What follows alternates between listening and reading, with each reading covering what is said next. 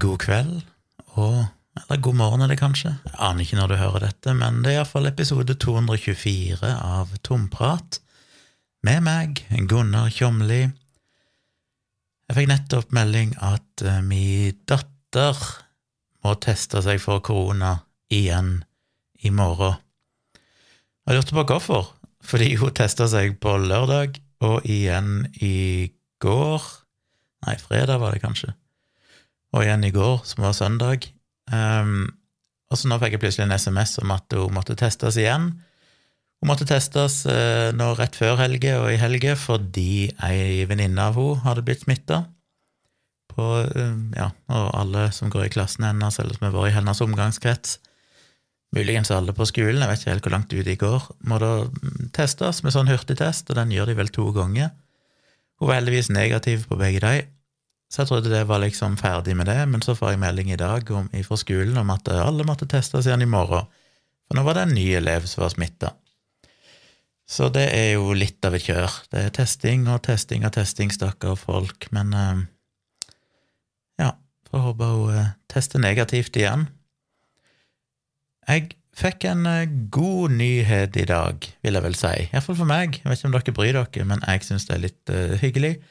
Som dere vet, så var jeg og tok bilde hos en restaurant som heter Restaurant Arakataka her i Oslo.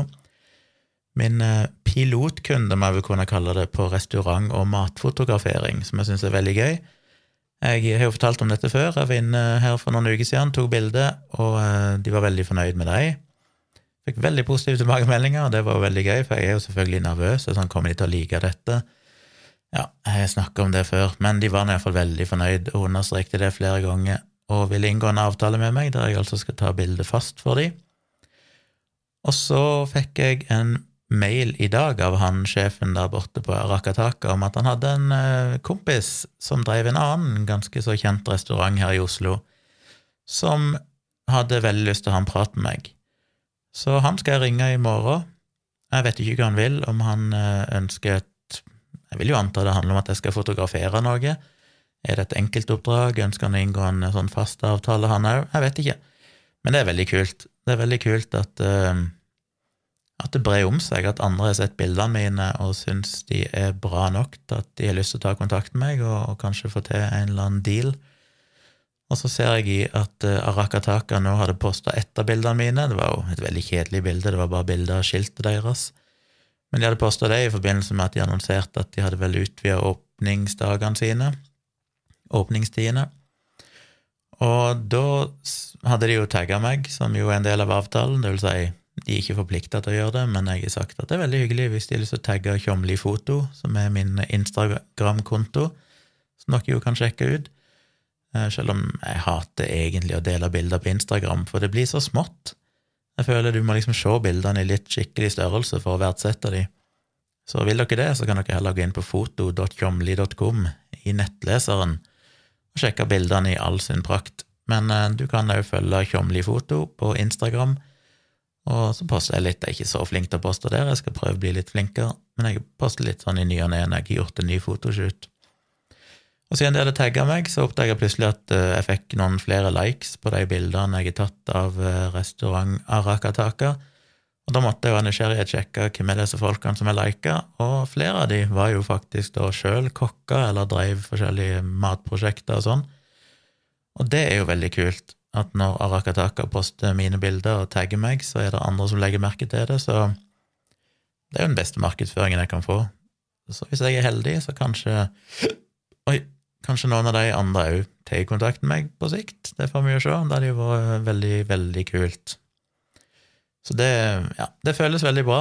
Det er jo en ny bransje jeg begir meg inn på. Jeg vet jo ikke helt hvor jeg står, så jeg føler meg jo veldig liten. Føler sånn åh, skal jeg plutselig komme og tro jeg kan noe? Og da er det jo en veldig sånn eh, bekreftelse at uh, både min første kunde var veldig fornøyd, men òg at tydeligvis andre i samme bransje syns at bildene mine er bra. Så det føles veldig godt, det må jeg si.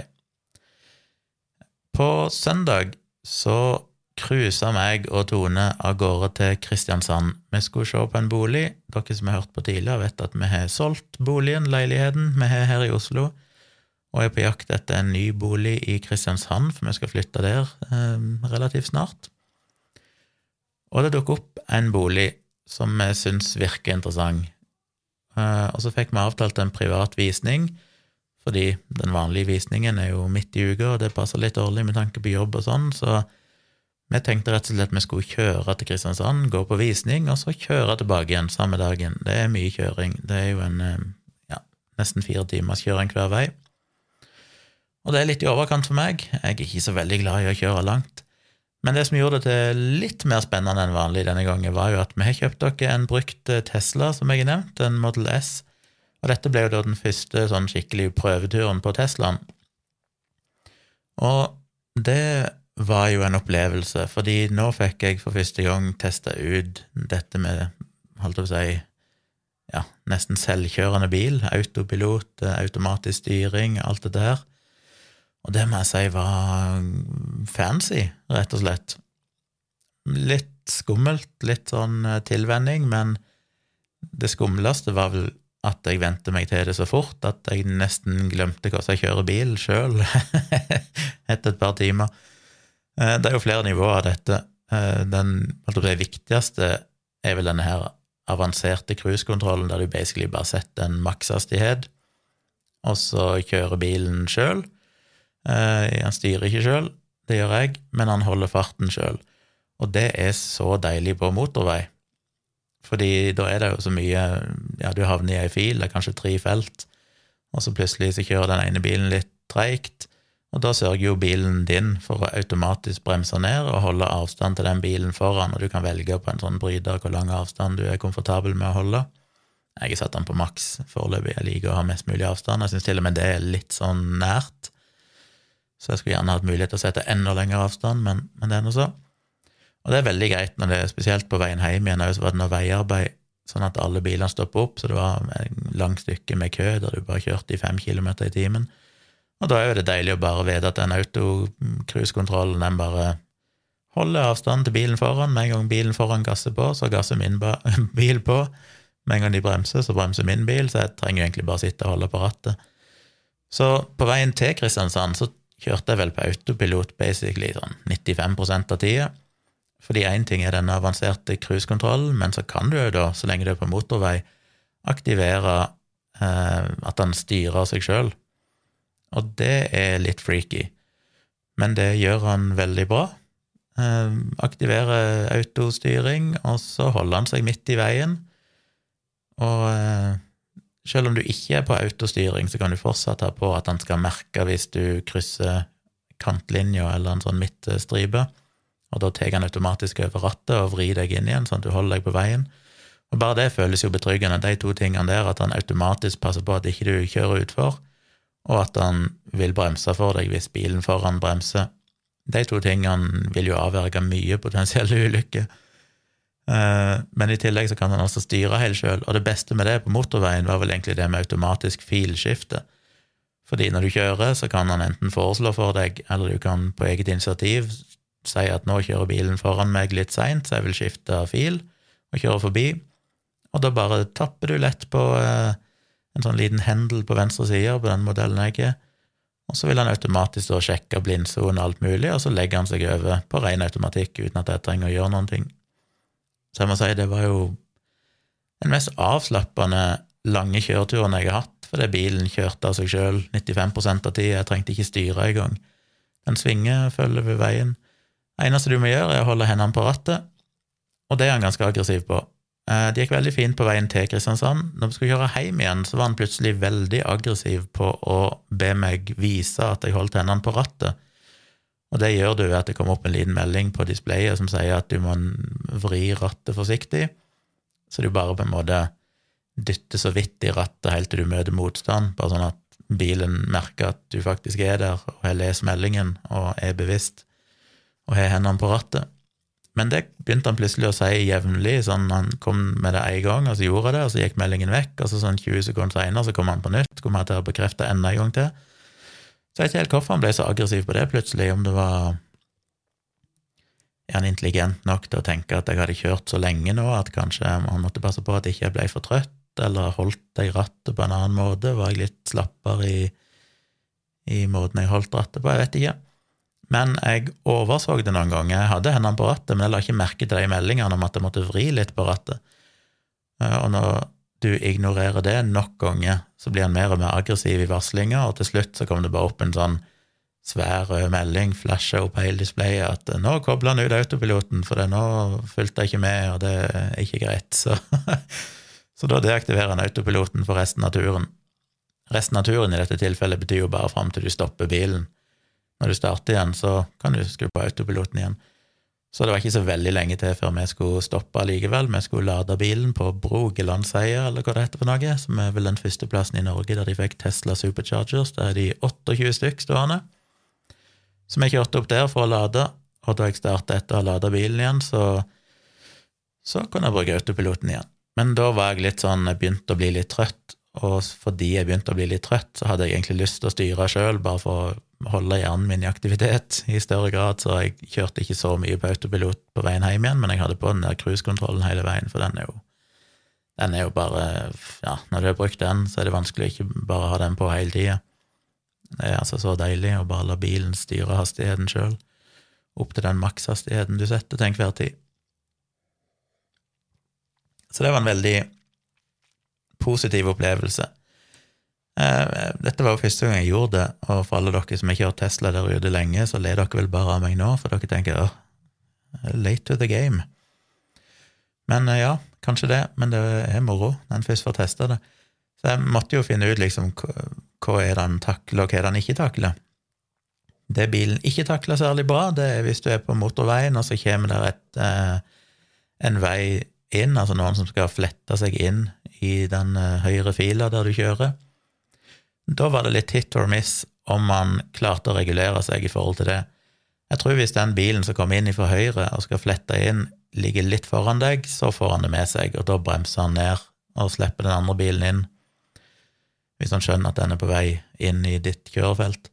Men hvis du blir liggende rett på sida av den bilen, og du kanskje egentlig burde ha bremsa fordi at den skulle egentlig ha fått lov å kjøre inn foran deg, så gjør han ikke det. Og jeg gjorde den feilen én gang. Det kom en bil opp på sida av meg. Jeg lot egentlig bare bilen min, Teslaen, styre det, for jeg ville se hva han gjorde. Og så begynte jo det der innkjøringsfeltet å ta slutt på høyre side. Så plutselig måtte jeg bare hive meg på gassen og bare gasse på for å komme forbi, så han kunne legge seg inn bak meg. Um, jeg tror han var litt irritert med han fyren, for han måtte jo bare kjøre framover og framover og kom seg aldri inn, for jeg stolte på at Teslaen skulle skjønne dette og enten gasse sjøl eller bremse, men det gjorde han ikke. Så det måtte jeg jo bare teste. Fant jeg ut av det, så da vet jeg det i framtida at når det kommer en bil inn fra et innkjøringsfelt på høyre, så må jeg være på vakt og eventuelt tøve kontrollen sjøl. Og så var det vel to ganger han gjorde sånne mystiske oppbremsinger som jeg har hørt eh, ikke et helt ukjent fenomen, fordi den modellen jeg har, har fortsatt både radar og kamera. På de helt nye modellene av Model 3 og Model Y som kom i USA, så har de kutta ut radar, de skal kun bruke kamera.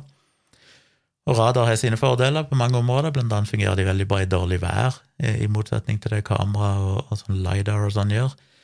Men de har visst denne her greia med at de kan plutselig trigge på sånn spøkelsesbil, alt på seg, så de tror plutselig det er en bil foran deg, og så bremser de uten at det er noe der. Det opplevde jeg to ganger. En gang idet jeg kjørte med en svær lastebil på høyre side av meg, i høyre fil, eller høyre felt på sida av meg, og det var ikke noe problem, den var jo i sitt felt, jeg var i mitt felt, men plutselig så var det tydeligvis et eller annet i bilen som registrerte den her svære doningen på sida av meg, og fikk for seg at den var på vei over i mitt felt, eller et eller annet sånn, selv om det var den ikke, og så, så var plutselig bråbremsa bilen mens jeg var oppe på sida av lastebilen, og det er litt sånn scary. Eh, men det var litt mer forståelig, for da tenkte jeg ok, det var en svær lastebil, det er et eller annet der han tolka feil. Men den andre gangen var mer uforståelig. Det var på vei hjem igjen. Da kjørte vi på motorveien, og det var ingen biler foran meg, og ingen biler på siden av meg, og ingen bak meg. Det var, var, ganske så tomt og hele veien rundt meg. Og bare plutselig så bråbremsa bilen allikevel. Helt uten noen grunn. Og det er jo litt sånn ok. Det er jo ikke optimalt. Men det er jo ikke farlig i den forstand, du får jo bare et lite sjokk, og så må du plutselig trykke inn gassen, for det kommer jo biler bak deg, og så så det er litt sånn dumt at en ikke kan stole 100% på det. Litt usikker på hvorfor det skjer. Eh, den andre negative tingen er jo at når du nudger litt i rattet fordi du skal sjekke, han skal sjekke om du er der, eller hvis du av andre årsaker nudger litt i rattet litt for mye, vri litt på rattet, eller du kommer borti gasspedalen eller bremsepedalen Det er ikke sikkert det gjelder gasspedalen, det husker jeg ikke, iallfall bremsepedalen. Så tror han at du Ja, det gjelder vel gass òg. Så tror han at du vil ta over manuell styring og det er jo flott, for det er jo hele greia at du kan når som helst ta over manuell styring bare med å vri på rattet eller trø på en av pedalene, så bare kobler autopiloten ut, så det er jo helt greit og flott. Men hvis ikke du legger merke til at han kobler ut, så er det litt sånn tricky, for det, det merka jeg et par ganger, at jeg, han, jeg, hadde, jeg skulle skifte fil, og så hadde jeg vridd litt for mye på rattet, så han hadde koblet ut autopiloten, og plutselig så bare skeia bilen utover mot kanten av veien. Jeg tenkte sånn, ja ja, han styrer vel sjøl. Det gjorde han ikke. Han hadde nok gjort det hvis jeg hadde nærma meg kantlinja for mye, for da ville han uavhengig av autopiloten uansett korrigere bilen, men, men det var litt sånn too close for comfort. og sånn, Oi, shit, nå styrer han faktisk ikke sjøl, nå må jeg faktisk vri på rattet her. Så det er litt sånn tricky at hvis ikke du merker det at autopiloten er kobla ut, så, så, er det litt skummelt. Jeg, jeg var et par ganger der jeg hadde litt sånn panikk for sånn shit, jeg må dobbeltsjekke at autopiloten faktisk er på, så jeg ikke bare krasjer i en tunnelvegg eller et eller annet sånt og stoler på at han svinger seg sjøl, og så gjør han plutselig ikke det. Så det er litt sånn tilvenningssak. Jeg må innrømme at jeg var litt sånn på tuppa i ei god stund, bare fordi at jeg var ikke helt komfortabel med hvor grensene gikk på den autopiloten. Men eh, når jeg først hadde blitt litt komfortabel med den, og ting funka bra, så var det jo fantastisk. Så det må jeg si, å kjøre sånne lange turer ble utrolig mye lettere når den eh, autostyringa og automat, avanserte cruisekontrollen og alt dette her trer i kraft. Så jeg skjønner godt folk som sier at hvis du har kjørt Tesla, så kan du aldri gå tilbake til en vanlig bil. Selvfølgelig kommer det jo andre biler på markedet nå, ikke bare elektriske, men òg andre som har mye av denne funksjonaliteten. Så det er jo veien framover. Det er jo veldig langt ennå til en totalt selvkjørende bil, dessverre. Jeg var nok mer optimistisk for det for en tre-fire år siden. Da tenkte jeg de var rett rundt hjørnet, men jeg merker jo det nå at eh, de er ikke helt der ennå, selv om Tesla vel nå snart kommer med det de kaller for full self-driving. Um, eller det har de vel sånn sett allerede, men med en sånn pakke for bykjøring, så han skal kunne kjøre i byer. Kunne lese av stoppskilt, kunne lese av eh, lysindikatorer, eh, hva heter det, lyskryss, altså sånn grønt og rødt og gult lys automatisk, og vite når han skal stoppe og kjøre. Men det er jo en tilleggspakke. Det har ikke jeg i min bil, så det må jeg eventuelt kjøpe som tillegg hvis jeg vil ha det. Og det har jeg ikke noe hastverk med. Jeg tror det vil være en liten stund til jeg hadde følt meg helt komfortabel med å la bilen gjøre det helt av seg sjøl. Så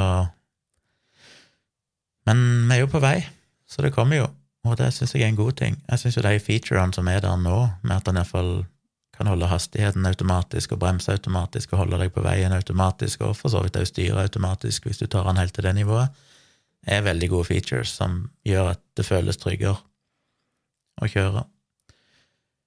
Så det var en liten eh, Tesla-historie. Hvis dere har noen gode Tesla-historier å fortelle meg, så send de gjerne på mail til tompratpodkast.gmail.com. Eh, jeg kikka jo på Tesla-annonser på finn.no når vi skulle finne denne bruktbilen, og i en av dem, ikke den vi kjøpte, men en annen Tesla, så sto det i annonsen at denne bilen redda livet mitt, for det var en gang det var en elg som kom springende ut midt i veien, og på grunn av Teslaen så stoppa Teslaen eller svingte unna, eller hva han gjorde sånn at de slapp unna med bare mindre skader. Og det hadde de ikke klart, hadde de skulle gjort det manuelt, for de hadde ikke klart å reagere fort nok, men Teslaen fiksa den biffen. Så det var litt morsomt. Dere har en sånn historie der eh, Teslaen enten har gjort noe bra, redda dere fra et uhell, eller tvert imot eh, gjort noe tragisk, at autopiloten eller et eller annet fucka helt opp, sånn at dere krasja, eller noe sånt, fortell meg gjerne det i en mail på tompratpodkast.gmail.com, så vil jeg gjerne lese det, og, og gjerne gjenfortelle, eh, hvis jeg får lov til det. Moro nok så var det jo en av mine følgere, en som vel har sett på en del av mine livestreams, som sendte meg en melding ganske kort tid etter at vi hadde begynt å kjøre, eh, hva var det, rundt Lier en plass, ikke så langt ut forbi Oslo. Og vi la merke til en annen blå Tesla som kom kjørende, lå foran oss en stund, og så eh, kommenterte det vel til Tone eller et eller annet, at se der er det òg en Tesla, eller sånn. Ikke at det er så veldig sjeldent, men av en eller annen grunn tror jeg jeg kommenterte akkurat den bilen. Og så tenkte jeg ikke noe mer over det. Men så fikk jeg en melding ifra en og sa hei, jeg så du var ute og kjørte. skrev, skrev, til meg på Facebook. Så da hadde tydeligvis en av mine følgere kjørt forbi og lagt merke til at jeg var ute på og cruiste i Teslaen som jeg hadde sittet og snakket om i livestream tidligere. Og jeg tror Tone sa etterpå at hun hadde lagt merke til at han hadde forsvunnet bak oss eller et eller annet, men så hadde han kommet kjørende opp på sida av oss plutselig og kikka veldig Hun hadde lagt merke til at han stirra så veldig, eller kikka på oss. Det så ikke jeg, da, men det var jo tydeligvis fordi han måtte sjekke om det faktisk var meg som var ute og kjørte, så det var jo litt sånn artig coincidence at jeg fikk melding av han, og at jeg faktisk hadde lagt merke til akkurat den fine, blå Teslaen, og at det viser seg å være en som ikke jeg kjenner, for jeg har aldri møtt han, men en som eh, jeg kjenner i gåsehudet, nettkjenner, heter det kanskje. Du, i dag skal jeg ha to seriøse ting etter denne innledende eh, smalltalken. Jeg har lyst til å snakke litt om eh, koronaviruset og hypotesen om at det kom fra et laboratorie i Wuhan. For det er publisert to nye studier nå som har sett nærmere på det. Og så vil jeg snakke litt om denne replikeringskrisa, fordi den var jeg innom for noen få episoder siden, der jeg gikk gjennom noen sånne psykologiske påstander, alt opp seg, psykologiske funn, som det egentlig er ganske svak evidens for at det egentlig stemmer, selv om det ofte er blitt litt sånn opplest og vedtatt at sånn er vi mennesker. Og så viser det seg at de studiene det er basert på, egentlig ikke lot å replikere. Eh, og da snakket jeg litt om den replikeringskrisen innenfor psykologien. Men det er jo ikke bare der den gjelder, og det er et par interessante greier. Jeg tror jeg skal begynne med den, jeg, før jeg går over på Wuhan. Og dette er egentlig basert på en mail jeg fikk fra Erik eh, Hesdal Gullaksen, som jeg driver og sendte meg sånne mailer tidligere med det han kalte for hva han kalte det, Gunnars godtepose, med bare masse linker og tips til ting jeg kunne sjekke ut og snakke om. Det han slutta med. Kanskje han ble skuffa over at jeg var veldig dårlig til å bruke tipsene hans. Jeg brukte vel et par av de, men Ofte så hadde jeg aldri tid til å sette meg ned og virkelig lese gjennom de når jeg skulle spille inn podkasten, og så ble det til at jeg skippa de, og så Veldig synd, for jeg setter veldig pris på det, så fortsett gjerne å sende det, Erik. Eh, så skal jeg jo ikke så ofte jeg kanskje får brukt de, men jeg syns jo det var interessant, og det er definitivt ting jeg kommer til å bruke. Så det var den mailen han sendte meg. Jeg begynte å kikke gjennom holdt på å si, innboksen min, gamle mailer, og den sendte han meg vel tilbake i mai, som jeg tror kanskje det var den siste sånn Gunnar Skottepose han sendte meg. Og der lenka han da til en ny studie, det vil si han var ny i mai, som var publisert. Eh, publisert i et tidsskrift som heter Science Advances, og har tittelen Non-replicable publications are cited more than replicable ones. Og grunnen til at jeg syns den er interessant, er at jeg har skrevet om noe lignende i boka mi Håndbok i krisemaksimering, bare med et litt annet perspektiv. Men jeg har lyst til å bare lese litt ifra boka mi først, at da får du litt nødvendig kontekst, litt sånn forklaringer om hva dette egentlig handler om, litt om hvordan forskning fungerer. Så jeg skal lese ifra den boka mi som kom i 2016, som heter Håndbok i krisemaksimering, som jeg òg leste ifra sist. Eh, og det er i et kapittel som heter Problemet med enkeltstudier. Og boka Håndbok i krisemaksimering handler jo mye om media, altså hvordan media feilrepresenterer forskning og misbruker statistikk til å skape det som ofte egentlig er falske kriser eller overdrevne påståtte kriser. Eh, spiller mye på frykt og sånn. Og det så jeg jo litt på i forrige episode, med dette med at uh, foreldre ikke lenger tør å la barn leke alene og sånn, fordi vi er blitt påvirka av alle, alt det grusomme vi har lest fra hele verden, og det fucker med den mer primitive delen av hjernen vår, og evnen vår til å skille reelle farer ifra det som egentlig er statistisk veldig usannsynlige farer. Men denne gangen så har jeg altså snakka litt om forskning og enkeltstudier, så jeg skal lese et utdrag fra boka mi. Og det starter Nei, jeg vet ikke hvorfor jeg sier det, for nå leser jeg bare fra PDF-en, som var Ja, jeg håper det er siste versjon. Jeg har så mange varianter av manuset liggende som er sånn Alle som er forfattere, kjenner igjen det. Er sånn eh, håndbok i krisemaksimering, underscore korrektur, underscore korrigert, underscore revisjon 2.pdf. Så den går jo mange ganger fram og tilbake mellom meg, og så går han til redaktøren, og så får jeg han i retur med korreksjoner som er retta, som jeg sender en ny versjon. og så blir bare filnavnene lenger og lenger. Så jeg blir litt sånn usikker på hva som er den siste versjonen, men jeg innbiller meg at dette kanskje er den siste versjonen, det som faktisk endte opp som boka. Hvis ikke, så er det iallfall ikke veldig langt ifra originalen. Jeg har jo boka her òg, så jeg kunne jo lest rett ifra boka, men det er så deilig å bare ha den på dataskjermen her. Så la meg lese Problemet med enkeltstudier. Jeg må ha en slurk med cola først.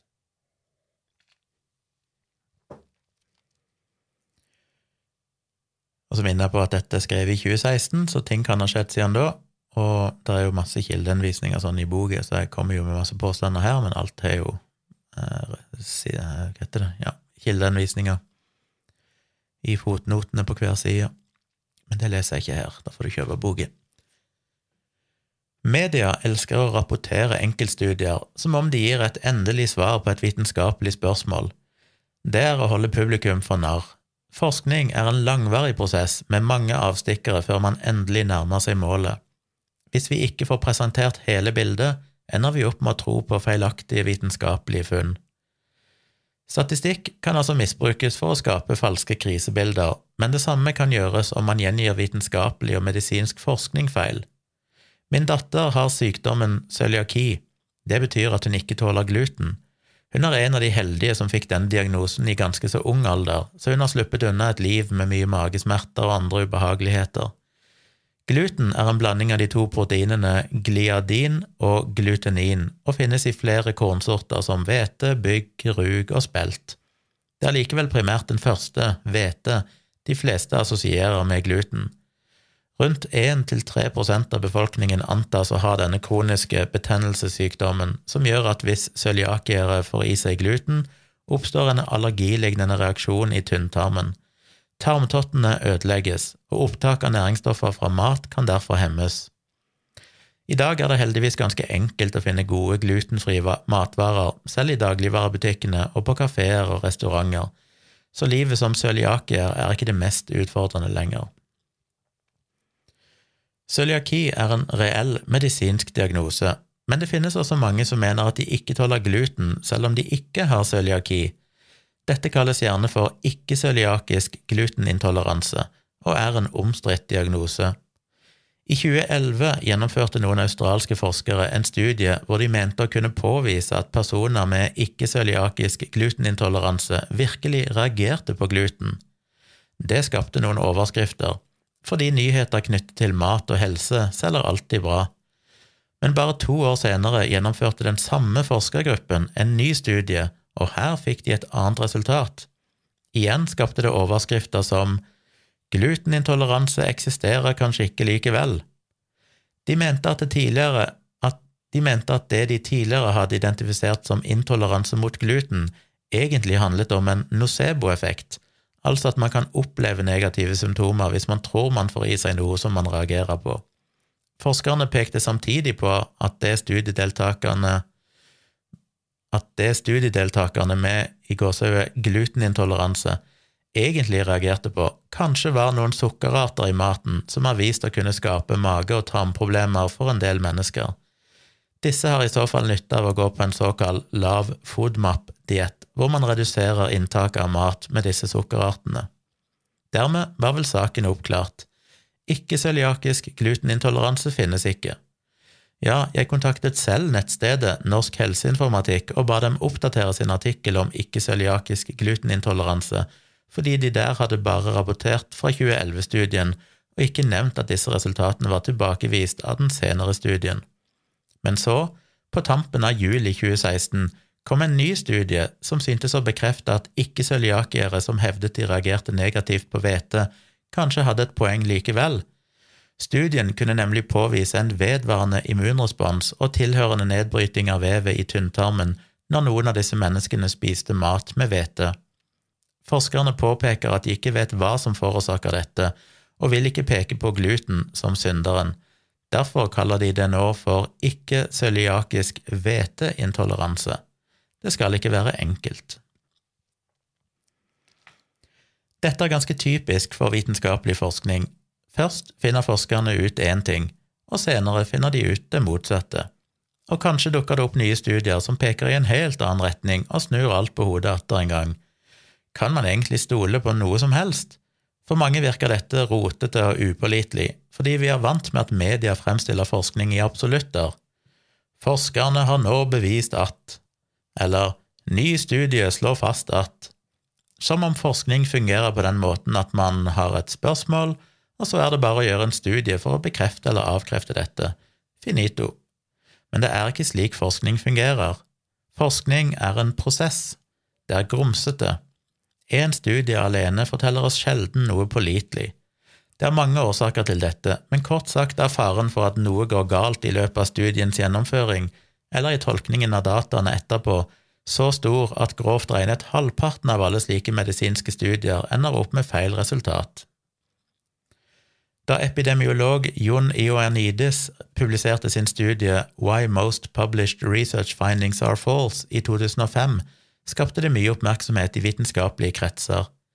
Ioannidis har gjort det til sin misjon å drive metaforskning, altså forskning på forskning, og i denne studien fant han at hele 80% av ikke-randomiserte studier, den kanskje vanligste typen av innledende kliniske studier, er feil. Når det gjelder studier som er både randomiserte og har en kontrollgruppe, selve gullstandarden innen medisinsk forskning, er fortsatt så mye som én av fire studier feil. Selv i de aller største og mest rigide studier finner man i ettertid at rundt én av ti hadde feil resultat. Det er ganske nedslående og kan gi inntrykk av at medisinsk forskning er fullstendig upålitelig.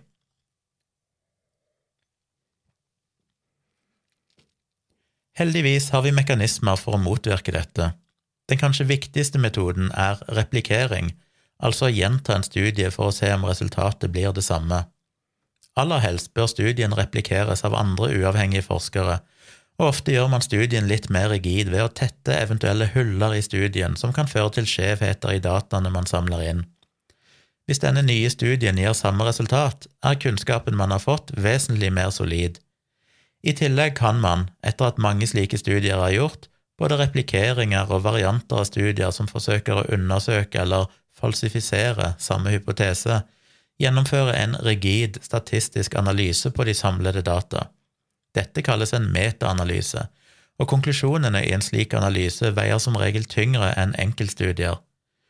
Problemet med metaanalyser er likevel at om man inkluderer mange dårlige små studier, så blir gjerne konklusjonen i metaanalysen tilsvarende upålitelig, den også. Derfor brukes gjerne en systematisk litteraturgjennomgang i forkant av metaanalysen for å definere strenge kriterier til hvilken kvalitet og hvilke kriterier studier som skal inkluderes i metaanalysen, må ha. Da sikrer man at metaanalysen bare ser på data som springer ut av gode studier, gjerne av en viss størrelse, slik at man kan konkludere mest mulig sikkert. Også her er det likevel fallgruver, som for eksempel problemet med at negative studier kanskje aldri publiseres i det hele tatt. Da ender man opp med å lage en metaanalyse av for mange studier som er positive, og får da også feil resultat.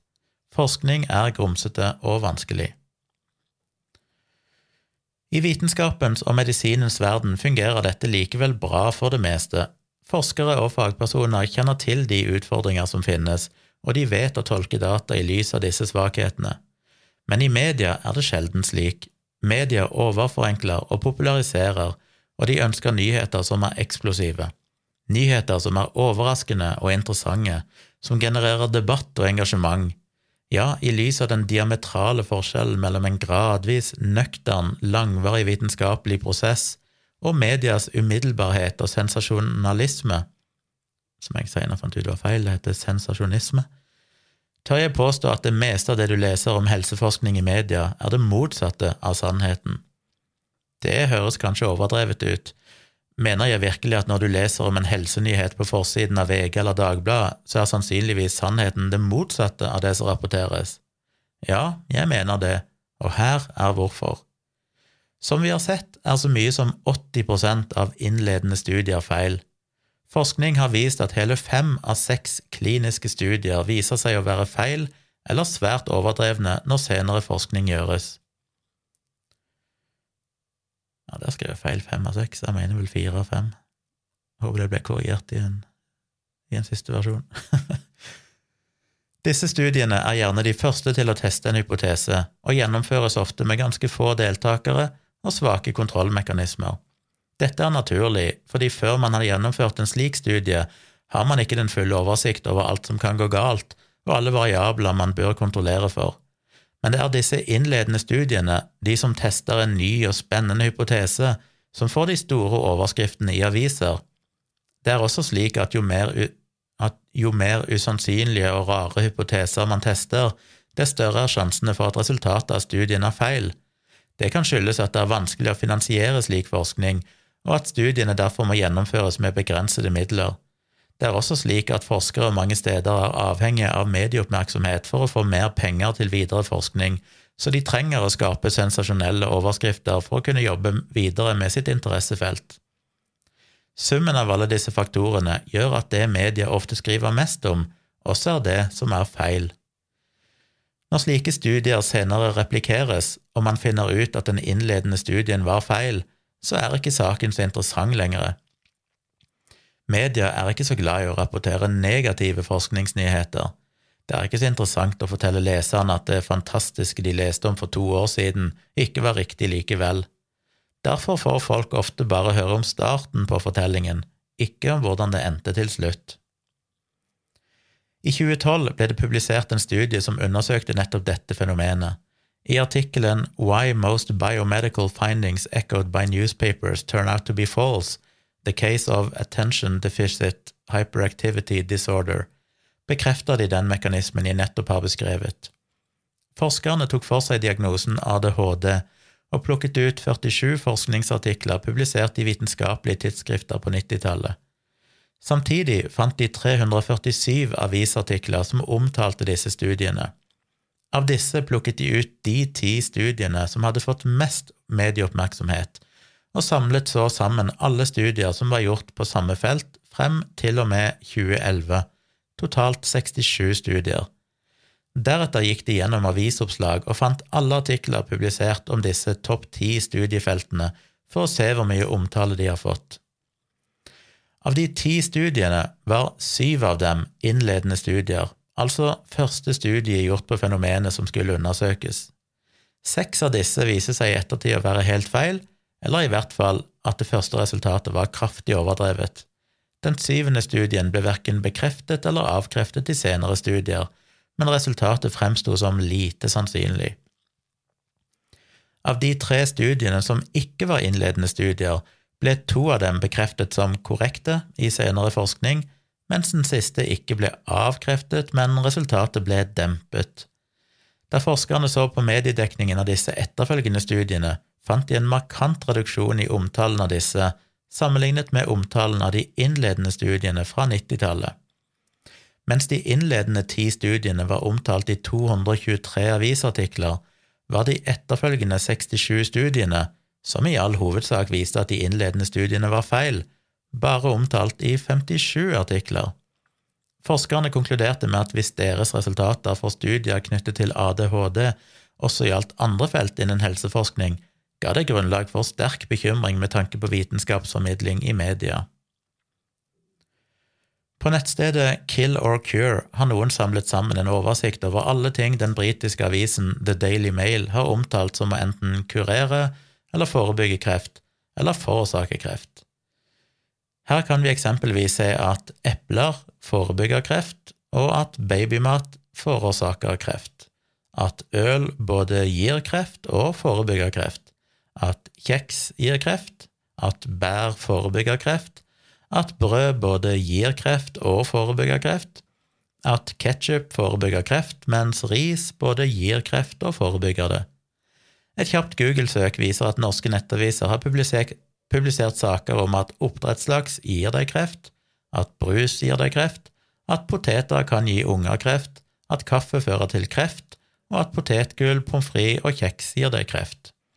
Samtidig kan vi lese at kaffe forhindrer kreft, at linoljefrø og cottage cheese kan kurere kreft, og at superbær og dyr supermat forebygger kreft. Skal vi tro tabloidene, er nesten all mat enten kreftfremkallende eller kreftforebyggende. Ingen mat er bare mat for næringens eller smakens skyld. Tidligere nevnte John, John Ioannidis fant sammen med kreftforsker Jonathan D. Schoenfeld, Schoenfeld ut at de ville se litt nærmere på dette, og publiserte i 2013 studien Is Everything We Eat Associated with Cancer? A Systematic Cookbook Review. De valgte seg ut 50 ingredienser fra en vanlig kokebok, og pløyde så gjennom all publisert forskning for å finne ut om disse ingrediensene var vist å kunne forebygge eller fremme kreft hos mennesker. 40, altså 80% av ingrediensene var oppført i studier som hadde undersøkt sammenhengen med kreft. Kalv, salt, pepper, mel, egg, brød, svinekjøtt, smør, tomat, sitron, and, løk, selleri, gulrot, persille, muskat, sherry, oliven, sopp, løpemage, melk, ost, kaffe, bacon, sukker Skal det være sukker? Gudene vet om det er en stavfeil. Hummer, potet, storfe, lam, sennep, nøtter, vin, erter, mais, kanel, cayenne, appelsin, te, rom og rosiner. De ti ingrediensene de ikke fant noen studier på, var laurbærblad, nellik, timian, vanilje, hickory, melasse, mandler, natron, ingefær og skilpadde. Det slår meg at noen snarest må sjekke om skilpadde i maten gir kreft. Av de 264 enkeltstudiene forskerne fant, viste 72% av dem at ingrediensen kunne øke eller redusere risikoen for kreft. En økt risiko var knyttet til 39% av studiene, mens 33% fant en redusert risiko. Da de så på metaanalysene, viste disse vesentlig mer nøkterne resultater. Kun 26% pekte i retning av en økt eller redusert risiko for kreft. Konklusjonen deres var at enkeltstudier som viser at ingredienser i mat fører til forhøyet eller redusert risiko for kreft, eksisterer for fryktelig mye av det vi spiser. Eh, er kvaliteten Gudene vet, jeg må håpe det finnes en korrigert versjon av dette i boken min, for det, er det mye rar tekst. Eh, ja, uansett, er kvaliteten på studiene dårlig, og som regel er det studier som ikke er replikert eller som har andre svakheter. Metaanalysene var mer nøkterne og forsiktige i sine konklusjoner enn enkeltstudiene, og konkluderte oftest med at de foreløpige data ikke ga noe tydelig indikasjon på ingrediensens effekt på kreftutvikling. Studiene som hevdet at ingrediensene de testet var assosiert negativt eller positivt med kreft, var i fire av fem tilfeller statistisk signifikante. Dette betyr at deres såkalte p-verdi var lavere enn 0,05.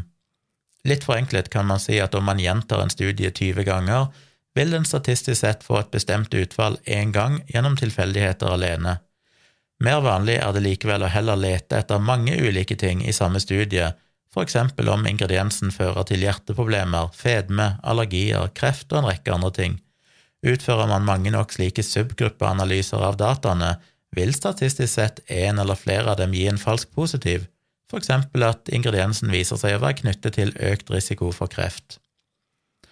Et annet problem med mange av enkeltstudiene var at de hadde ulike måter å sammenligne inntaket av den aktuelle ingrediensen på. De fleste sammenlignet bare ulike mengder av ingrediensen i kostholdet til studiedeltakerne, gjerne også basert på selvrapportering av kosthold, og i slike studier er det da vanskelig å vite at det ikke egentlig er andre faktorer som egentlig spiller inn. Er det egentlig slik at rødvin forebygger hjertesykdom, eller er det bare slik at de som drikker mest rødvin, er folk med god økonomi, som ofte har yrker hvor de utsettes for lite skadelige stoffer, har mindre stress i hverdagen, ofte spiser sunnere generelt sett og er opptatt av mosjon og en sunn livsstil? Eller kan det hende at mange av de som er registrert som avholdspersoner i studiene, egentlig er folk som har sluttet å drikke av helseproblemer, og som dermed trekker dataene i retning av at å avstå fra å drikke vin gir dårligere helse? Mye tyder på at det er det siste som er tilfellet, men likevel har vi fått ørene proppet fulle av påstander om hvordan vin er bra for deg fra media i mange år. Det er helt klart en sammenheng mellom mat og kreft, men for det aller meste vet vi rett og slett ikke nok til å konkludere ennå.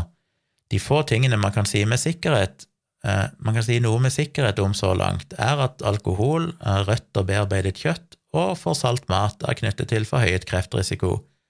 På den andre siden ser det ut til at et robust inntak av frukt og grønt reduserer kreftrisikoen din.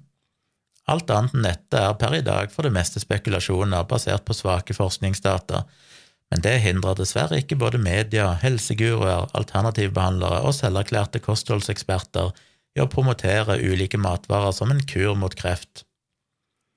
Medisinsk forskning er grumsete, og medias rapportering er altfor ofte basert på tvilsomme, sensasjonelle, innledende enkeltstudier som senere viser seg å være fullstendig feil, eller i det minste svært overdrevne i sine konklusjoner.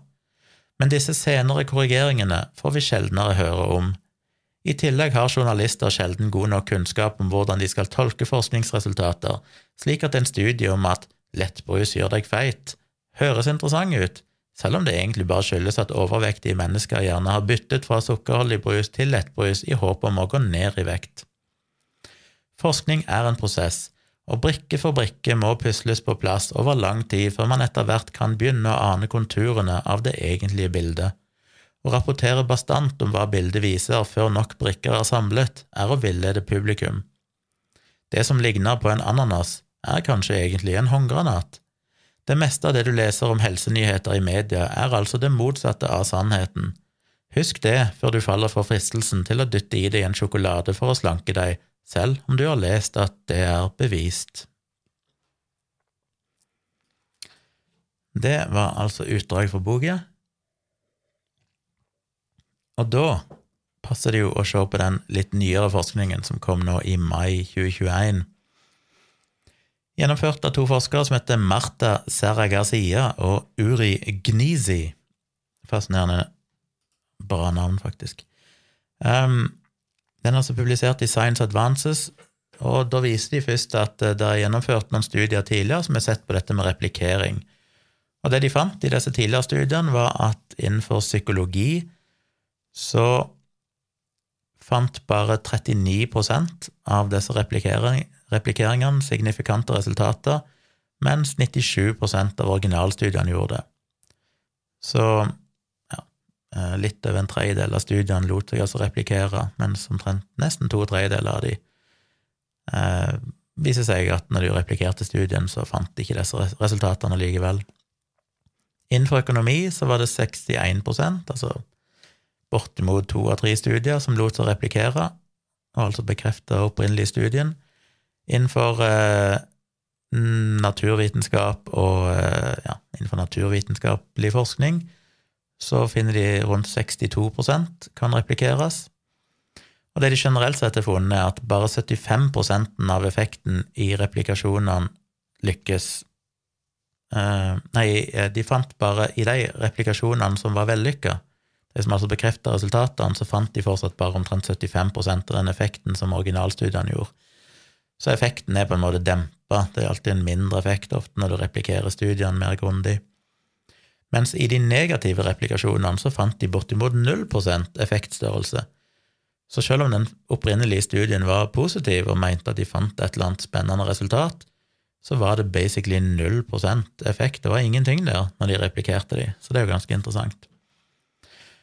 Og samtidig så har de òg sett at når du ber eksperter innenfor de forskjellige feltene gjøre en slags spådom eller vurdering av om denne studien vil kunne replikeres positivt, så er de faktisk veldig treffsikre på å finne ut hvilke studier som de regner med at jo, denne studien har nok resultater som vi anser som sannsynlige, og som vil bekreftes gjennom en replikering, mens denne studien her, den tror vi nok ikke vil kunne bekreftes. Eksperter er faktisk ganske flinke til å skjønne om en studie er god eller ikke, eh, allerede før en har replikert. Og det som er viktig å huske på her, er at antall ganger en publisert studie blir sitert eller referert til, blir sett på som et slags mål for hvor viktig, hvor faglig viktig og betydningsfull denne publiserte studien er.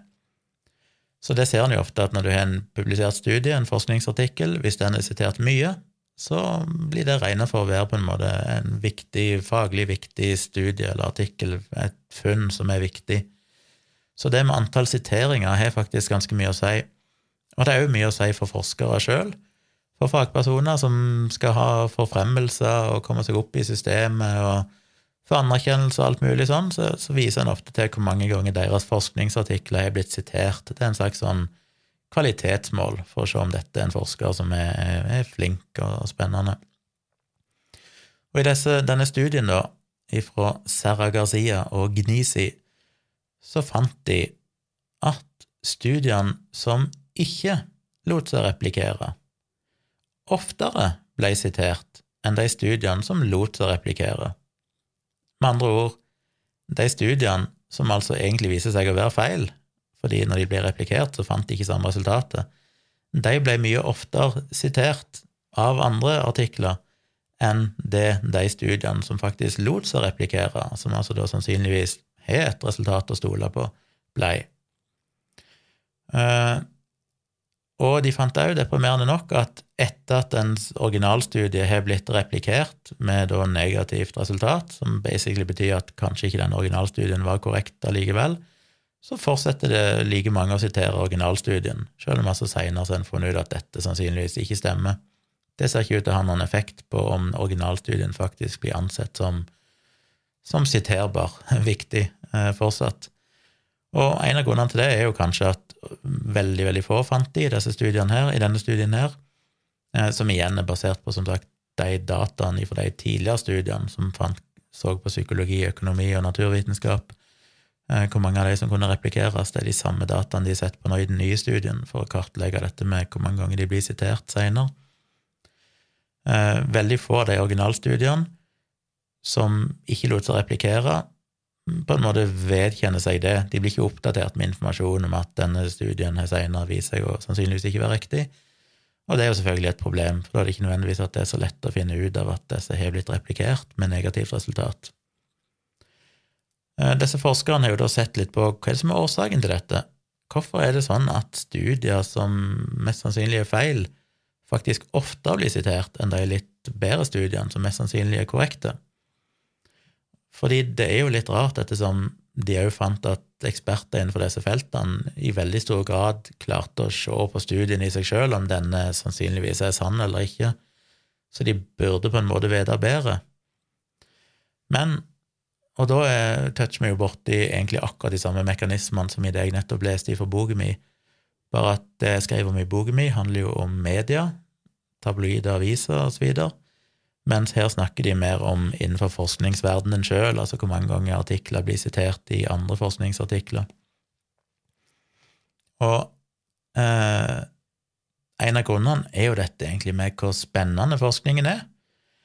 Eh, studier som er veldig spennende og har interessante funn, de blir ofte sitert, men de er også oftere feil. Og hvorfor blir de studiene da publisert i det hele tatt, hvis de egentlig er dårlige studier som mest sannsynlig har svakheter som gjør at du ikke kan stole på konklusjonen? Vel, de spekulerer her i denne studien her da på at det kan være rett og slett sånn at det er mindre rigid fagfellevurdering når de mener at funnene er spennende. Fordi oi, dette, dette er spennende resultat. Da er de kanskje litt mindre kritiske med studiene i seg sjøl, for det er noe de kanskje ønsker å publisere, fordi at det gir PR, og det gir det, det, er kanskje mer interessant å ha det i tidsskriftet sitt enn sånne kjedelige, nøkterne studier som viser seg å være korrekte. Um, og mekanismene er de samme som jeg nevnte i boken min, at uh, det er på en måte to ting som henger sammen her. Det er jo det at det er en slags drivkraft, kan det virke som, mot å gjennomføre studier som ofte er litt sånn lite sannsynlige, men allikevel er fascinerende og spennende. Fordi det skaper både medieoppmerksomhet, og som vi nå har sett i denne nye studien, så ser, det ut til at det fører til at du blir sitert oftere som forsker, og det har jo da positive sånn karrieremessige effekter for deg hvis du er forsker. Men samtidig så er det jo selvfølgelig òg de mest sånn fascinerende, spennende, sære tingene som òg mest sannsynlig ikke stemmer. Det at um, det at eh, å spise epler skulle kurere kreft i seg sjøl, eller det at eh, bringebær skulle gi deg kreft Hvis du kan finne en sammenheng der, ved å gjennomføre en studie som kanskje er litt sånn tvilsom, så er det klart at det gjerne vil være spennende resultat, som da både media vil kaste seg over, og òg kanskje òg vil bli sitert mye i andre forskningsartikler. Så forskeren har på en måte alt å vinne på det.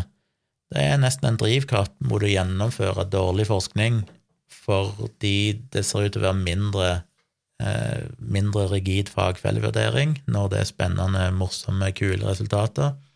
Så det er lettere å bli publisert, lettere å få godkjent artikkelen for publisering i et vitenskapelig tidsskrift, og du får òg flere sitat, siteringer eller referanser til den studien, den artikkelen seinere, som jo da som sagt er positivt både med PR og karriere. Ikke minst så handler jo dette om penger, som jeg nevnte i boken min. En trenger finansiering av forskning, og det kan være lettere å få finansiert forskning hvis en både har en spennende, eh, spennende ting du vil forske på, som kanskje er litt sånn tabloid og, og kan fenge interessen, og som òg da kan gjøre pressen interessert, og dermed skape PR rundt det. Hvis du derimot forsker på noe som er mer sånn nøkternt og bare får på plass en liten brikke i eksisterende kunnskap, som kanskje er mye, mye viktigere totalt sett, men ikke så veldig Det er ikke noe som kommer på forsida av VG, eller som mange andre artikler kanskje vil sitere i sine artikler, så er det kanskje ikke noen motivasjon for å gjøre den type forskning og det er jo veldig, veldig synd. I denne studien her nå så har de òg et par forslag til hvordan vi kanskje kan løse dette. Og en av forslagene er at en rett og slett må gjøre det mer ubehagelig. Det må, være, det må ha en høyere kostnad, altså mer sånn karrieremessig, sosial, holdt jeg på å si, kostnad å publisere problematiske data. For eksempel at når artikkelen blir publisert, så publiserer du òg navnet på redaktøren, som har hatt ansvar for å godkjenne studien for publisering, og hvis det da kommer seinere en, en replikering som er negativ, så skal du gå tilbake igjen og da kontakte denne redaktøren og spørre har du en kommentar til dette, hvordan var den redaksjonelle prosessen som gjorde at dere publiserte denne studien her opprinnelig, når det viser seg at det ikke ser ut til å stemme likevel? Så du må på en måte legge mer press på at noen må ta ansvaret, og dermed at den som på en måte godkjenner artikkelen for publisering, òg må vite at dette kan komme tilbake og bite de i ræva seinere, og navnet deres blir publisert sånn at det er offentlig. Og det vil òg da både kunne forhindre, kanskje, altså øke tersk, heve terskelen for at den type forskning blir publisert i utgangspunktet, og kan òg øke sjansen for at den studien blir trukket tilbake igjen når det viser seg at eh, her er det dårlige data.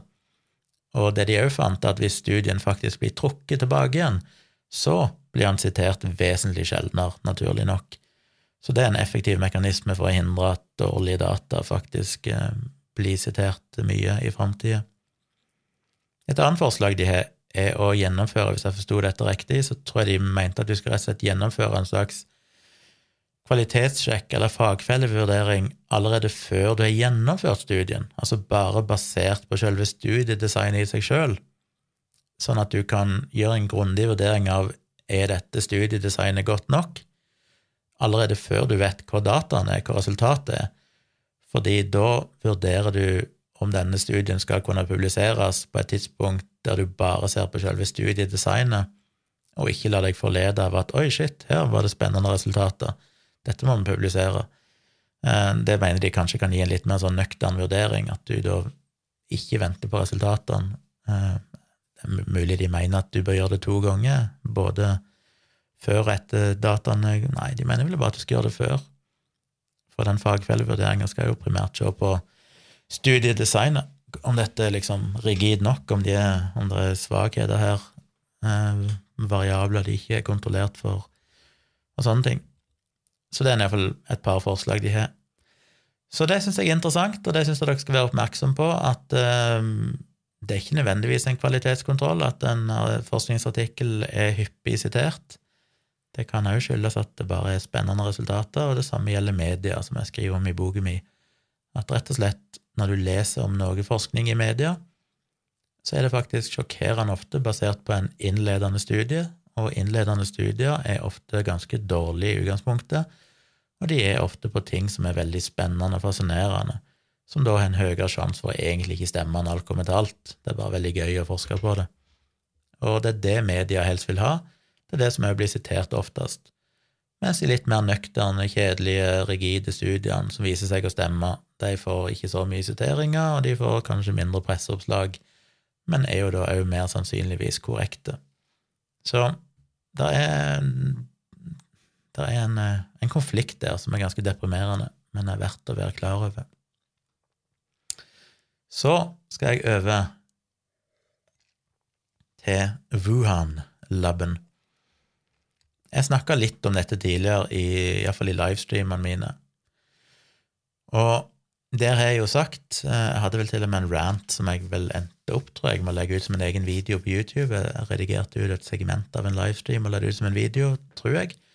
Og et av poengene mine der var iallfall at uh, det er ingen i dag som kan slå fast at dette nye eh, dette nye koronaviruset, SARS-CoV-2, eller SARS-2, som mange bare kaller det, i motsetning til den opprinnelige SARS-en som kom tidlig på 2000-tallet, at SARS-2 Ingen som kan si at det kom på ingen slags måte fra et laboratorie i Wuhan. Eh, det er basically umulig å, bevise at det ikke gjorde det, men vekten av evidens er ekstremt mye tyngre på den sida som sier at det hadde et naturlig opphav, at det er smitta rett og slett ifra dyr til mennesker, da kanskje gjennom et av disse våtmarkedene der de selger dyr både til mat og som kjæledyr. Eh, blant annet i Wuhan i Kina. Så det var på en måte min konklusjon da, at vi kan ikke avkrefte at det kom fra et laboratorie, men som skeptikere så må vi òg se på hvor vekten av evidens ligger, ikke bare på hva er mest spennende og kontrære hypotesen. Hvis media mener at eh, nei, det er ikke sannsynlig at det kommer fra laben, da skal du liksom som skeptiker mene at jo, det, det er tegn på at det kommer fra laboratoriet, for vi er jo skeptikere, vi er kritiske til den offisielle sannheten men du må følge dataen, og vekten av evidens ligger definitivt på at det er et naturlig opphav. Det påsto jeg da, for noen måneder siden, og det er nå publisert to nye studier. En av noen forskere i Kina og fra universitetet i Glasgow, som ble publisert i tidsskriftet Science den 21. august i år, og en annen eh, forskningsartikkel eh, av 21 virologer fra USA, Canada, Storbritannia, Kina, Australia og Østerrike, som etter planen skal publiseres i tidsskriftet Cell den 16. september. Og begge de to tidsskriftene er jo veldig anerkjente og tunge, så når de blir publisert der, så er det jo et kvalitetsstempel i seg sjøl. Så det, det, er ganske, det er to viktige studier, tydeligvis, som er, som er fagfellevurderte og ser ut til å være god forskning. Og begge to konkluderer jo egentlig akkurat som jeg òg da sa tidligere, ikke fordi jeg har kommet på det av meg sjøl, men fordi jeg baserer meg på det andre flinke folk eh, har sagt, nemlig at eh, det er jo ingen evidens for at det kommer fra et laboratorium i Wuhan. Alt det som er på en måte evidens i gåsehudet, er bare antakelser, og det eneste du egentlig har, er at viruset først ble oppdaga i Wuhan, og tilfeldigvis ligger også Wuhan Institute of Virology i den byen. Og det høres jo mistenkelig ut, at et sånn forskningslaboratorium der de forsker på virus, tilfeldigvis ligger samme sted som dette nye viruset dukker opp. Hm, det høres jo shady ut, men det er òg alt av bevisene her, den tilfeldigheten at dette skjedde på samme sted og i 2021, og i, dere har kanskje fått med dere at nå utover våren så har det vært publisert eh, flere og flere artikler der vi lager dokumentarer som skal vise at det er mer og mer sannsynlig at, at dette viruset kom fra et laboratorium i Wuhan. De er tullete, fordi at ingen av de har noen nye data som ikke vi visste i 2020. Og i 2020 så var en ganske enig om at det er lite sannsynlig at det kom fra et laboratorium i Wuhan. I 2021 så er det plutselig mange som mener at jo, det er mer evidens. Det er det ikke. Det er ikke kommet noe mer evidens i det hele tatt. Evidensen er akkurat den samme nå som den var i 2020, altså egentlig ingenting. Um, på den annen side sett så er det jo stadig mer evidens for at det kommer ifra dyr. Så vekten av evidens på den sida, at det er et naturlig opphav, blir stadig bedre. Mens evidens for laboratoriehypotesen har vært standstill i um, basically halvannet år uten at noen ting nytt dukker opp der som skal støtte det. Og det er flere grunner til at folk har meint at det kan ha kommet fra laboratoriet. En påstand som kom tidlig, var jo at dette laboratoriet bare lå 300 meter, eller yards, ifra et av disse kjente dyremarkedene i Wuhan. Jeg må jo innrømme at når jeg har hørt om Wuhan tidligere, så jeg er ikke noe flink med Jeg vet lite om Kina, så jeg har tenkt på det som et litt sånn mindre sted, men det er jo faktisk den største byen i sentrale Kina, så det er jo et gigantisk sted med enormt med gjennomgangstrafikk for folk fra hele verden og sånn. Eh, men de påstår altså at eh, dette laboratoriet lå bare 300 meter fra et av disse våtmarkedene, der de første smittetilfellene ble oppdaga. Og det stemmer ikke. Jeg vet ikke helt hvor den misforståelsen kommer ifra. Eller jo, det vet jeg vel egentlig, for det, det som ligger ca. 300 meter fra dette dyremarkedet, er noe som heter for Wuhan Center for Disease Control. Men der driver de altså ikke med forskning på virus. Dette forskningslaboratoriet, Wuhan Institute of Virology, det ligger rundt 12 km, 1,2 mil altså, fra dette markedet, helt på andre sida av Yangtze-elva. Så det er ikke så nærme som folk vil ha det til. Eh, tidligere denne måneden, faktisk, så sent som nå i august, så skrev aviser som Washington Post og Wall Street Journal eh, artikler basert på noen uttalelser fra noen republikanske politikere som sa at de hadde funnet ut at eh, dette laboratoriet hadde nylig gitt en kontrakt verdt 606 millioner dollar for å rehabilitere eller renovere ventilasjonsanlegget eller aircondition i laboratoriet. Og det skapte jo mistanke for sånn shit, hvis vi må ha 606 millioner dollar, det er jo skitmye penger, så må dette ventilasjonsanlegget ha vært basically ikke-eksisterende eller ekstremt dårlig tilstand. Og det er jo ikke så bra. Et sted der du driver og forsker på potensielt farlige virus, så bør en ha kontroll på ventilasjonen og rensing av luft og alt dette her. Det viser seg jo da seinere å være fullstendig feil. Det egentlige tallet var 606 000 dollar. Det var skjedd en misforståelse i noen oversettelse fra kinesiske dokumenter. Og dette er jo da et bygg som er på sju etasjer, så 606 000 dollar altså en, kanskje hva blir det, en fire millioner kroner eller noe sånt, fire-fem millioner, er ikke noe urimelig som for å, å rehabilitere et ventilasjonsanlegg, uten at det trenger å bety at dette var verken fraværende eller i så ekstremt dårlig tilstand. Det er nok en ganske naturlig, et naturlig anbud som ikke burde vekke noen mistanke. Disse avisene korrigerte visstnok tallet senere, men de lot disse mistankene eller hentydningene om at det var noen muffins her, de, de endra det ikke på, tragisk nok. Evidensen for at det kom ifra dyr, er jo egentlig bare blitt sterkere og sterkere. Eh, forskere fra Canada, Storbritannia og Kina rapporterte tilbake i juni at i Hvis en går tilbake igjen til før pandemien, altså så sent som i slutten av 2019, så er det funnet at det var rundt 38 forskjellige dyrearter som var i salg på disse markedene i Wuhan. Det blir solgt altså som både mat og kjæledyr, og flere av de artene er kjent for å kunne bære SARS-2-virus. Altså de, de, kan smittes av SARS-2 fra eksempel flaggermus. Eh, alle disse dyrene, eller de fleste av dem, ble jo solgt levende, så de jo står jo stabla i bur oppå hverandre i veldig dårlig tilstand på disse markedene, og ofte blir de slakta der og da når noen kommer og kjøper de. Så hvis de skal ha de til mat, da. Ikke hvis de skal ha de til kjæledyr. så hvis noen kommer og sier at du, vi skal ha dette dyret her, så blir de slakta der og da, og ifølge disse forskerne vil det ha betydelige implikasjoner for mathygiene og dyrevelferd. Like etter at Kina stengte ned et av disse sentrale markedene i Wuhan, like etter at pandemien var et faktum, eller iallfall at Kina innrømte at pandemien var et faktum, som jo tok, tok en måneds tid eller sånn, eh, minst, så ble det gjennomført prøver fra mange av, eller fra omgivelsene rundt disse markedene, og da fant de at dette nye SARS-2-viruset, eller SARS-CoV-2, var veldig utbredt i omgivelsene, noe som forskerne sier er kompatibelt med introduksjon av viruset gjennom smitta mennesker, dyr eller produkter, eh, ifølge Verdens helseorganisasjon, da forskere der tilbake i februar, i den gjennomgangen de gjorde den gang. Så de fant altså mye av dette SARS-CoV-2 i områdene rundt våtmarkedene, som gjør at det ikke er usannsynlig at smitten mest sannsynlig er kommet derifra. Det er derimot ikke funnet noe smitte i nærheten av dette laboratoriet, som da ligger litt over en mil lenger vekke. Så det er jo litt viktig å huske på at de første rapportene om smitte kommer jo faktisk ifra områder rundt våtmarkedene, ikke områdene rundt eh, der laboratoriet ligger.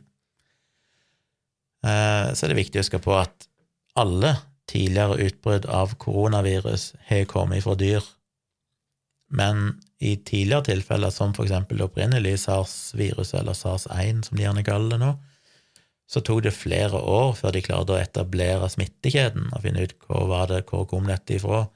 Og det regner en med vil skje nå òg med SARS-CoV-2, at det kan ta opptil flere år før en endelig klarer liksom å spore opp hvor dette egentlig kommer ifra. Og så er det viktig å huske på at de aller fleste virus kommer ifra dyr. Jeg skrev jo en, en bloggpost om det tilbake i 2011, ti år siden, som heter Om vaksiner å klusse med naturen. Ikke så veldig lang bloggpost. Jeg skal, jeg skal bare lese den veldig fort, den er ikke så lang, for den syns jeg er litt interessant. Eh, da skrev jeg tilbake i 2011 et vanlig argument fra en del vaksinemotstandere og motstandere av moderne medisin er at å gi mennesker vaksiner eller medisiner er å klusse med naturen. Det er fundamentalt unaturlig og dermed ikke bra. Påstanden er at mennesker har evolvert i symbiose med naturen i millioner av år, og dermed er det fullstendig feil og potensielt veldig farlig å blande inn kjemiske substanser som beskytter oss mot sykdomsfremkallende bakterier og virus når disse har vært en naturlig del av menneskers liv siden tidenes morgen. Det finnes mange innvendinger mot dette, og jeg skal her se på to av de mest nærliggende. Det ene poenget er at mange av de såkalte naturlige sykdommene som vaksinemotstandere mener det er så flott for oss mennesker å få, bare er naturlige sett i et ganske moderne perspektiv. De fleste av disse sykdommene kom fra våre husdyr da mennesket begynte å leve sammen med disse. Og så siterer jeg fra en artikkel som sier Many epidemic diseases that affect contemporary or historical populations originated in domesticated animals. Smallpox and measles appear to be descended from diseases of cattle. Influenza probably came from a disease of pigs or chicken. William McNeill, 1976, argues that most if not all, distinctive infectious diseases of civilized society came from animal herds. He reports that humans share 50 diseases with cattle, 46 with sheep and goats, 42 with pigs, and 26 with poultry. Some of these diseases afflict several domesticated spe species. Diamond, 1997, argues that the main reason lethal crowd diseases were relatively absent in the Americas before European contact was the paucity of domesticated animals. De fleste av våre husdyr, som geiter, griser, sauer og kyr, har vi bare levd sammen med fra rundt 6 til 10 000 år siden. Homo sapiens er omkring 200 000 år gammel, og vi har menneskelignende forfedre millioner av år bakover i tid. Det vil si at disse mest vanlige smittsomme sykdommene er veldig nye sett i lys av menneskets historie. De har bare eksistert i de siste 3–5% av Homo sapiens sin eksistens. På toppen av det hele er det deler av verden hvor disse sykdommene bare har eksistert i noen hundre år. For eksempel kom flere av disse sykdommene til Amerika etter at europeere invaderte kontinentet. Hos disse menneskene må våre smittsomme sykdommer kunne sies å være svært unaturlige og biologisk sett en dramatisk inngripen i menneskekroppene der. Spørsmålet blir da, når mennesker som har levd over 95% ja, kanskje langt over 99% av sin historie uten disse sykdommene, plutselig får dem innført i sine liv, er det da virkelig å tukle med naturen hvis man forsøker å behandle eller forebygge sykdommene? Er det ikke tvert imot mer korrekt å si at man forsøker og føre mennesker tilbake til sin mest naturlige tilstand, nemlig et liv uten disse svært moderne sykdommene. Påstanden om at mange av sykdommene vi vaksinerer mot, er en del av menneskets naturlige tilstand, viser en grunnleggende historieløshet og manglende evne til perspektiver. Og så fortsetter bloggposten litt lenger med et annet argument, men det skal jeg ikke lese, for det er ikke akkurat relevant for dette. Men poenget er altså at så godt som muligens alle, iallfall de aller, aller fleste, eh, av de sykdommene vi har i dag, både influensa og mesling og alt mulig sånn, kommer opprinnelig fra dyr. Så det er jo ikke unaturlig å anta, eh, spesielt siden SARS-1 og andre koronavirus òg alltid tidligere er kommet fra dyr, så er det jo nærliggende å anta at SARS-2 òg da skulle komme fra dyr. Det virker rart at det Du skal ha god evidens for å argumentere med at det som har skjedd med alle andre virus, plutselig ikke gjelder akkurat SARS-CoV-2, bare fordi det ligger et forskningslaboratorium innenfor en mils radius av der de først oppdaga smitten. Um, så ja, og så sier de jo at når de forsker på SARS-CoV-2, så finner de jo flere av de kjennemerkene som tyder på at uh, dette kommer ifra dyr. En påstand som ble gjort tidlig, var at SARS-CoV-2 var så nøye tilpassa menneskelig smitte at det måtte ha vært designa på den måten. Men det en vet nå, er jo at den opprinnelige varianten av SARS-CoV-2 eh, var ganske så generell i smitteveien og kunne smitte mange forskjellige arter, ikke bare mennesker. De har jo funnet at den opprinnelige SARS-viruset, eh, altså den eh, nye, nye koronaviruset som kom i 2019, som førte til pandemien vi er oppe i nå, den kan smitte blant annet mink, tigere, katter, gorillaer, hunder og ilder. Og det er jo godt dokumentert at det er veldig lett smitte fra art til art. Så mennesker kan smitte hunder, og hunder kan smitte mennesker, visstnok. Og så er det jo interessant å se nå som det har kommet nye varianter, for eksempel nå den siste delta-varianten, som da, altså alfa-varianten var jo en del mer smittsom enn den opprinnelige, og delta-varianten er jo enda mer smittsom igjen. Og det er jo fordi evolusjon, naturlig evolusjon, gjør at eh, disse virusene, mutasjoner i disse virusene, gjør at noen av de da tilfeldigvis viser seg å kunne smitte mennesker bedre, og det kan jo ses på som et argument for at dette ble designa, for det hvis det hadde blitt designa så veldig bra for å smitte mennesker mest mulig effektivt, hvorfor smitta det relativt sett mye dårligere i starten, og det måtte evolusjon til for å virkelig gjøre det enda mer smittsomt, som da delta-varianten er blitt. Så det er jo helt åpenbart at det tilpasser seg mennesker, blir mer smittsomt for mennesker, og dermed kanskje ikke var så optimalt i utgangspunktet som en kanskje skulle mistenkt at det var hvis det hadde vært skreddersydd som et biovåpen eller noe sånt. Så nevner en jo ofte dette her som kalles for the furin cleavage site. Jeg vet ikke om jeg uttaler det rett. Furin. Furin. Furin. Eh, ikke sjekka hva det eventuelt heter på norsk, men det er basically et enzym som splitter dette, disse piggproteinene som er på overflata av det viruset, i to, for å gjøre det lettere at det skal penetrere cellene våre og dermed smitte oss. Og det er det jo mange som har hevda at det er helt unikt, det er aldri funnet før, det må ha vært designa i et laboratorium, for det kunne ikke ha oppstått naturlig. Det er jo vist seg å være helt feil. Det er faktisk ganske vanlig at koronavirus eh, har sånn furin cleavage site. Eh, så er jo andre koronavirus som smitter mennesker, så har en funnet akkurat det samme. Så det er ikke noe som er unikt med SARS-CoV-2, og dermed ikke noe tegn på at det skal være spesialdesigna. Og så er det jo viktig å huske på, som sagt, at A. Alle tidligere koronavirus og muligens omtrent alle viktige smittsomme sykdommer mennesker rammes av, kommer fra dyr. Og B. Aldri før har det oppstått en utbredt epidemi, og enda mindre en pandemi, basert på at det er lekka ut virus fra et laboratorium. Så det finnes jo ikke noe eh, historisk presedens for at det skulle være tilfellet her heller. Eh, de har heller ikke funnet noen som helst bevis for at dette Wuhan-laboratoriet eller andre laboratorier i Kina har forska på virus som er like nok dette SARS-CoV-2 til å kunne anses å ha en forgjenger til dette. Så en, igjen, som sagt, det eksisterer jo absolutt ingen evidens for at de har forska på dette viruset eller tilsvarende virus eh, på disse laboratoriene. Og så er det jo stadig mer bevis ifra når en sjekker på en måte det genetiske fotavtrykket til SARS-CoV-2, som viser at det faktisk har evolvert naturlig. Det har jo vært gjort statistiske analyser på forskjellene på det nye koronaviruset og andre koronavirus, og da kan en finne ut om det er sannsynlig at det er genetisk manipulert, eller om det er mer sannsynlig at det er ren evolusjon, altså mer sånn tilfeldigheter. Og statistiske analyser viser at med overveldende sikkerhet, enormt overveldende sikkerhet, at alt tyder på at dette er helt naturlig. De finner ingen tegn når de, når de sjekker det genetiske materialet at, som tyder på at her er det, er det gjort kunstig, holdt jeg på å si, for det du ofte finner når det er manipulert i et laboratorium, at du kan finne større segmenter som på en måte er bytta ut der de henter gener fra andre organismer og putter inn i genene til et virus. Det finner de ingenting av her. Her er det på en måte naturlig variasjon i det genetiske materialet som tyder på at her er endringene skjedd naturlig og over tid.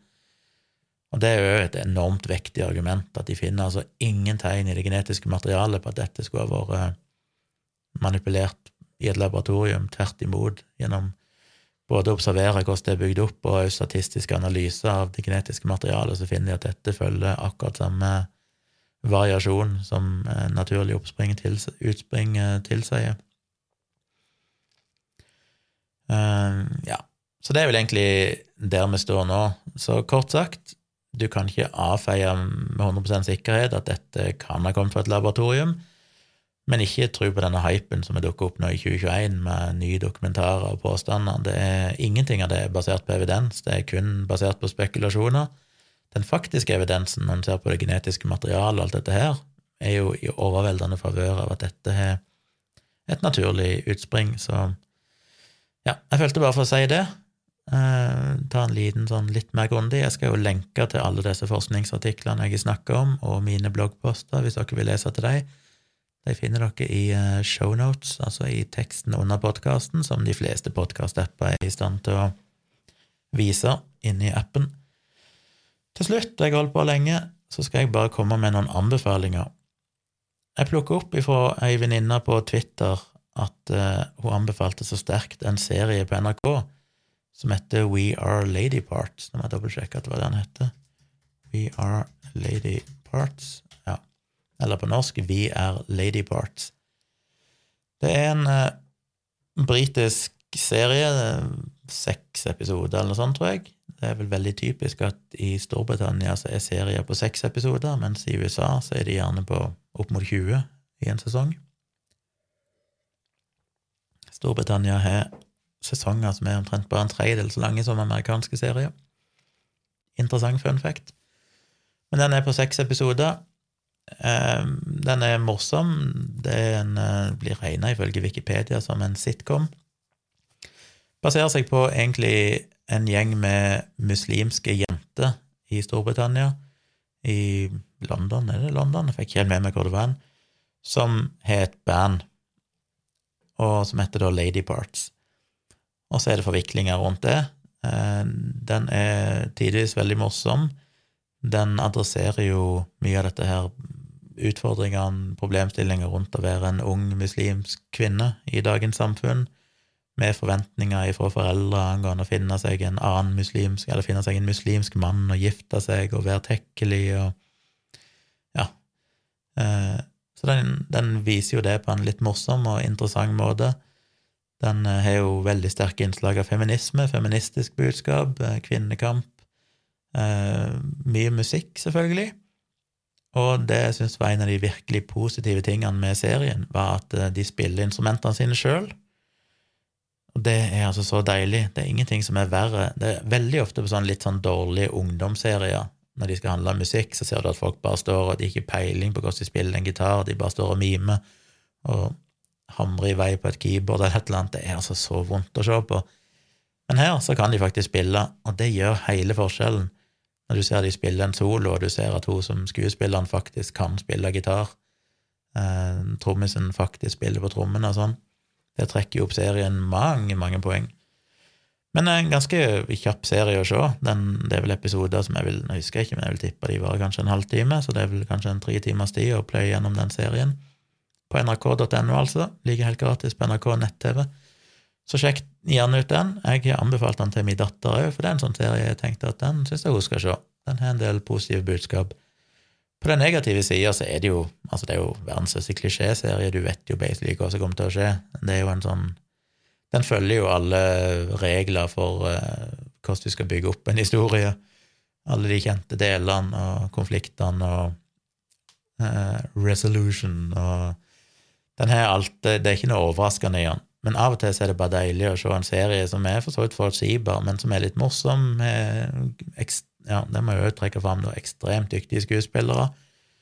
Eh, noen sekvenser. En sekvens der hovedpersonen plutselig synger en akustisk versjon av Radiohead sin Creep, som rett og slett er veldig rørende.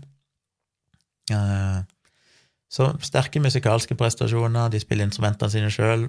Ekstremt gode skuespillere tidvis morsomt, viktige budskap både om feminisme og om eh, og, ja, minoriteter, um, islam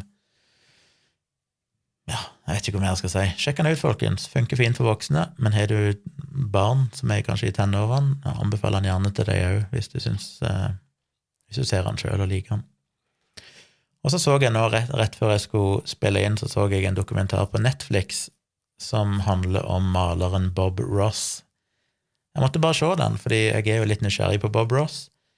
Jeg har jo sett noen av de episodene han har. Han er jo, det er jo en kultklassiker. Han kommer jo med, gudene vet, flere hundre episoder på amerikansk TV på 80-tallet og tidlig 90-tallet, der han står og maler sånne landskapsbilder i løpet av en halvtime. Hvis ikke dere har sett Bob Ross, så må dere jo sjekke ut han. Uendelig mye av han på YouTube. Um, han er jo kjent for sin afro og ekstremt behagelige, rolige stemme. Jeg tror mange i dag har begynt å se på han fordi det er litt sånn ASMR, nesten. Han er en sånn Han hvisker nesten når han snakker, og han er så filosofisk og så positiv til alt. Det finnes There are no mistakes, only happy accidents. uh, I will just paint a happy little tree right here. Det er liksom det. Alt er bare sånn oppløftende og positivt. Men det er det er beroligende å bare se han male, og det er imponerende å se hva han kan få til på en halvtime eller 26 minutter, eller hva det er han hadde til rådighet. Så han er jo blitt en sånn kultklassiker. Han døde dessverre av kreft i 1995 eller noe sånt, i en alder av 52. Men uh, han har fått en liten renessanse nå. Det finnes jo gøye YouTube-videoer der sånne særdeles dyktige 3D-artister bruker sånn 3D-programmer, og så tar de etterpå Bross sine malerier, og så heller enn å male det i 2D, som det er jo mange youtubere som gjør, de skal liksom følge en sånn Bob Ross-video, så skal de prøve å gjøre det sjøl i real time, som ofte ikke lykkes så veldig. Men noen har jo da gjort det med 3D-modellering, og lager da 3D-landskap som du kan gå inn i, basert på et av hans sine malerier, og det er fascinerende når du ser maleriet og så ser du 3D-versjonen med tre som blafrer i vinden, og du kan rotere og bevege deg gjennom i tre dimensjoner. Det er ganske kult. Eh, dyktige folk. Men det er en trist historie rundt Bob Ross med hvordan hans navn og merkevare på en måte ble misbrukt etter hans død, der noen kjeltringer har endt opp med å tjene millioner på millioner av dollar på å selge alt mulig slags suvenirer, alt opp seg, alltid fra kopper til bilder til falske malerier til maleutstyr, maling med Bob Ross sin trademark. Mens da ikke familien hans har fått noen ting av dette. og. Det er en trist historie. Sjekk ut den eh, hvis dere syns Bob Ross er kul. Eh, den handler ikke så Jo, den handler jo mye om han òg, men det er jo mer den historien rundt som er interessant. Eh, når en ser disse YouTube-videoene med Bob Ross, så blir han jo ganske anonym. Men det er litt interessant å se litt mer hvem personen Bob Ross faktisk var, hva livet hans var, og hva som har skjedd i etterkant, med rettssaker helt fram til 2018 var vel den siste, eller sånn. Så det er en pågående historie. Eller iallfall nylig avslutta, i så fall. Så den heter vel Bob Ross Happy Accidents, tror jeg, på Netflix. Bare søk på Bob Ross på Netflix og finner den. Det er bare én episode. Jeg vet ikke hvor lenge den varte, kanskje halvannen time eller sånn litt deilig av og til med sånne som ikke drar de ut med sånn 12 episoder eller 18 episoder med, med sånn halvannen times greie, bare for de skal tyne materialet mest mulig. Her er det én episode som går gjennom historien, ferdig med det. Så den kan anbefales. Jeg ville se den, for jeg har sett en del folk tvitre om den, ikke nordmenn, men folk fra USA og sånn, som sier de er så forbanna etter å ha sett den Bob Ross-dokumentaren. og det bare koker i topplokket, de så føler han ble så urettferdig behandla. Så da tenkte jeg jeg må sjekke ut dette. Til slutt minner jeg bare om at i morgen kveld, eh, onsdag altså, onsdag klokka åtte I morgen er jo relativt avhengig av hvor tid dere hører dette, men hver onsdag klokka åtte inne på mitt forum som heter kritisketenkere.no, der du kan registrere deg helt gratis. Så kan du jo bli betalende medlem hvis du vil det, som er helt valgfritt. Eh, blir du da VIP-medlem, så kan du delta hver onsdag på det vi kaller for VI-prat, eller VIP-prat, som er en Zoom-konferanse der vi snakker om forskjellige ting. Der kan du òg delta hvis ikke du vil bruke webcam og mikrofon, så kan du bare være en passiv lytter, anonym, men veldig hyggelig om du vil delta med ansiktet ditt og stemmen din og delta i, i praten. Den er ganske uformell, men bare prate litt om noe som interesserer oss, og kanskje det skeier ut i helt andre tema eller mer useriøse ting, det får vi se. Jeg måtte kansellere forrige onsdag, fordi da skulle jeg eh, kjøpe bil, og måtte skynde meg på en visning på en bil før den ble solgt til noen andre. Eh, det gikk jo bra, som dere vet. Men uh, denne onsdagen altså, så blir det VI-prat. Så stikk innom kritisketenker.no. Enten dere vil bli betalende medlem eller ikke, så kan du iallfall bli medlem der og delta i diskusjonene. Og blir du betalende medlem, så, uh, så er det enda kulere. Da støtter du podkasten her, du støtter bloggen min, du støtter forumet, du støtter alt jeg driver med.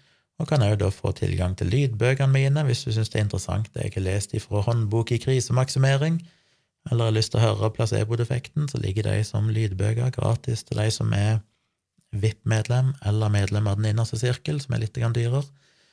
Du får òg tre av foredragene mine, som ligger ute som video der, og du får bonusepisoder av podkasten min. Så det er mye ekstra å få i tillegg til da disse VI-pratene hver onsdag.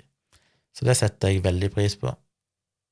Da tror jeg jeg var ferdig med alt med en lang episode.